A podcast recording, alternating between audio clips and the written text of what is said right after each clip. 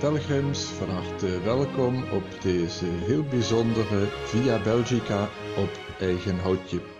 Ja, ik zeg pelgrims, mag ik dat zeggen? Of moet ik zeggen wandelaars? Ik hou het even op pelgrims als het mag.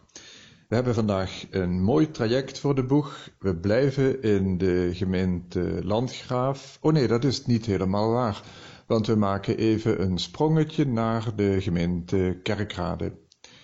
Eigelshoven om precies te zijn. En dat is gemeente Kerkrade. Mijn collega, pastoor Mark Hemels, die zegt met gepaste trots: Eigelshoven is een belangrijke plaats, want Eigelshoven heeft twee stations. En dat is ook zo. Station Eigelshoven, Hopel voor de kenners, en het andere station Eigelshoven Markt. En dat is tegenover de pastorie van pastoor Mark Hemels. En hij zegt daarover, ja, Eigelshoven heeft dus een directe verbinding met Maastricht en met Aken. Twee keizersteden. Hè? Keizer Karel is in Maastricht en Aken geweest. Karel de Grote. En zondag zijn wij zelf ook in Maastricht. Maar zover is het nog lang niet. We gaan eerst eens een flink stuk lopen. En we gaan even uitwijken naar een andere gemeente. Ik bedoel, ja, dat deed ook Jozef, die ook moest uitwijken. En dan een stukje verder, niet van Wouwbach naar Eigelshoven, maar van het Heilig Land naar Egypte. En dan zijn we meteen bij de inhoud van deze podcast en van alle volgende afleveringen, namelijk de mooie apostolische brief Patris Corde van de Heilige Vader Franciscus die hij gepubliceerd heeft op 8 december 2020. Ja, en over pausen wordt altijd wat afgeklaagd. Ik bedoel, er zullen best heel wat mensen zijn die het nodige te klagen hebben over allerlei pausen. Maar er wordt natuurlijk ook flink meegeklaagd binnen de muren van het Vaticaan. En dan wordt er gezucht, ja, nou komt hij weer met een idee en dat moet dan op stel en sprong worden uitgevoerd, terwijl niemand zich daarop heeft kunnen voorbereiden. Uh, nou, Paus Franciscus kent dat kunstje ook erg goed, precies zoals de, de nodige voorgangers van hem ook. Want op 8 december publiceert hij dat het hele kerkelijke jaar toegewijd wordt aan de heilige Jozef. En dat kerkelijk jaar was natuurlijk al begonnen op de eerste zondag van de Advent, eind november. Dus het Sint-Jozefjaar was al lang begonnen voordat het werd aangekondigd. Dat kun je hartstikke slordig noemen.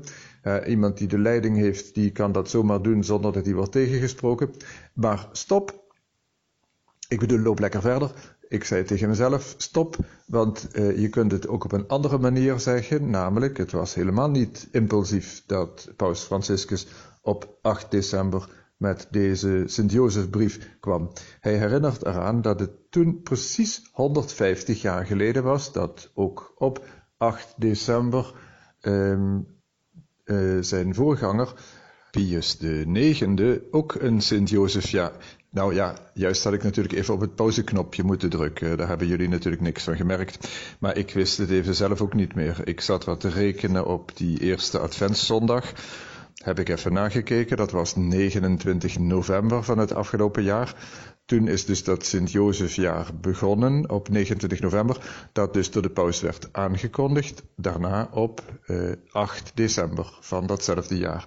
Goed, en die voorganger, Pius IX, heeft op 8 december 1870 Sint Jozef uitgeroepen tot patroon van de katholieke kerk. En dat is dus 150 jaar geleden. En dat is dus reden geweest om dit kerkelijk jaar opnieuw tot Sint Jozefjaar uit te roepen. We zijn daar natuurlijk heel blij mee, want een van de vier parochies van ons cluster is een Sint Jozef parochie. En niet alleen binnen die kerk, maar dus ook op deze hele tocht geven we passende aandacht aan Sint Jozef. En in de inleiding, want die doen we vandaag, in de inleiding somt Paus Franciscus heel mooi alle gebeurtenissen in het leven van Sint Jozef op, die je terugvindt in het Evangelie. Nou, dat zijn er niet eens zoveel. Waar kom je Sint Jozef in de Bijbel tegen?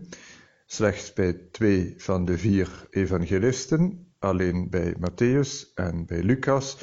En de paus somt dan op dat die rechtschapen man en die eenvoudige timmerman, de verloofde van Maria, dat die Sint Jozef uh, een lange en moeizame reis maakt van Nazareth naar Bethlehem, waar hij zag hoe de Messias geboren wordt in een stal, omdat er elders geen plaats voor hen was. Nou, het hele kerstevangelie sla ik even over, want dat kennen jullie allemaal van buiten. Met permissie, hoe mooi is het om dat ook te overwegen, komen we zeker nog op terug. En dan gaat het verder met de vlucht naar Egypte, waar de heilige familie dus als vreemdeling, wij zouden zeggen als asielzoekers, geweest is. En toen hij naar zijn vaderland terugkeerde, leefde hij in het verborgene van het kleine, onbekende dorp Nazareth in Galilea. De Bijbel had al gezegd, uh, vandaar zal nooit iets, ja, dus de Bijbel zegt dat natuurlijk niet, maar er werd gezegd, Nazareth, daar kan natuurlijk nooit iets goeds vandaan komen. Johannes 7, vers 52. Nou, um, En paus Franciscus sluit zijn opsomming af met het bezoek aan de tempel als Jezus twaalf jaar is en daar in Jeruzalem, daar raakt Jezus kwijt. Ze lopen zonder hem terug en pas na drie dagen zoeken vinden ze hem in de tempel. Eh, Jozef die de angst met Maria gedeeld heeft over hun verdwaalde kind. Nou, eh, de paus somt ook nog op wat er in de laatste eeuwen gebeurd is. Wat ik al noemde, Pius IX heeft Sint-Jozef uitgeroepen tot patroon van de katholieke kerk. Dat gebeurde in 1870. En paus Pius XII heeft Sint-Jozef genoemd patroon van de arbeiders.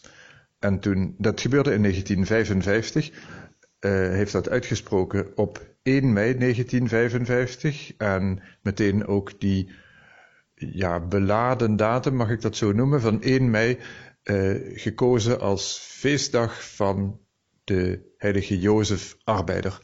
En u weet misschien, afgelopen zondag 2 mei heb ik daarvan dankbaar gebruik gemaakt in de televisiemis. Dat was 1955. Pius XII noemt Sint Jozef patroon van de arbeiders. Paus Johannes Paulus II heeft in 1989 nog een titel erbij gegeven aan Sint Jozef, namelijk Hoeder van de Verlosser. Uh, nou, nu zou je verwachten dat Paus Franciscus in 2020 daar weer een nieuwe titel aan rijgt. Dat doet hij niet, maar hij staat wel stil bij de actualiteit. Natuurlijk gaat het ook nu weer over corona.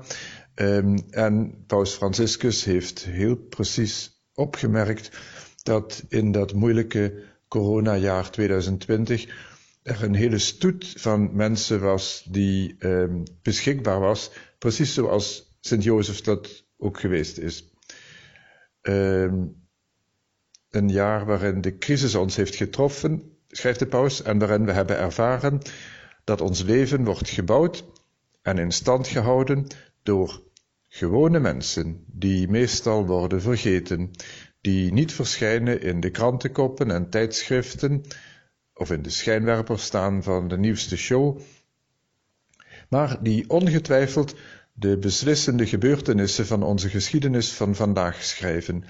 Artsen, verpleegkundigen, supermarktmedewerkers, schoonmakers, verzorgers, vervoerders, ordehandhavers, vrijwilligers, priesters, religieuzen en vele, vele anderen die hebben begrepen dat niemand zichzelf redt. En bij die opsomming van de paus uh, kunt u zelf natuurlijk nog wel het nodige toevoegen. Dat doet hij trouwens zelf ook. Hè? Hoeveel vaders, moeders, opa's en oma's, onderwijzers laten onze kinderen niet met kleine en dagelijkse gebaren zien hoe ze een crisis het hoofd moeten bieden en doorstaan, door hun gewoonten aan te passen, de ogen omhoog te richten en het gebed te stimuleren. Dat zijn allemaal mensen die zoals Sint Jozef leven, die zelf onopgemerkt blijft en in de dagelijkse discrete dingen wel aanwezig is. Nou, ik wens u verder een mooie wandeling denk er even over na, hè, over die vraag. Hoe wordt die eenvoudige, aanwezige Jozef zichtbaar in mijn eigen leven of natuurlijk in het leven van mensen om me heen, waarvan ik nu opeens merk, hey, die daar, die man of vrouw is voor mij een echte Sint-Jozef geweest. Denk er even over na, of praat er even over in je eigen mini-bubbel van twee of drie wandelaars.